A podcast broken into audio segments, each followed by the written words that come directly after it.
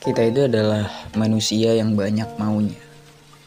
Segala rencana muncul di dalam kepala, seakan semua itu adalah hal yang mudah untuk terlaksana. Tapi sebenarnya tidak semudah itu. Perjuangan bukan sesuatu yang gampang. Kita harus merasakan banyak sakit, pahit, dan segala aspek hidup yang membuat kita kewalahan. Tapi tentu akan ada titik bahagianya di mana kita merasa bersyukur telah diberikan tabah untuk dapat bertahan. Ya, sepanjang waktu yang kita lalui, prosesnya akan menjadi cerita yang menyenangkan nanti.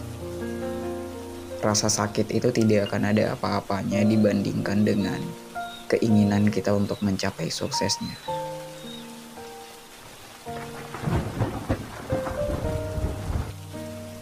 Memaksakan diri juga tidak ada baiknya ada kalanya kita memang harus beristirahat sejenak, biar penat kita terisi kembali dengan semangat.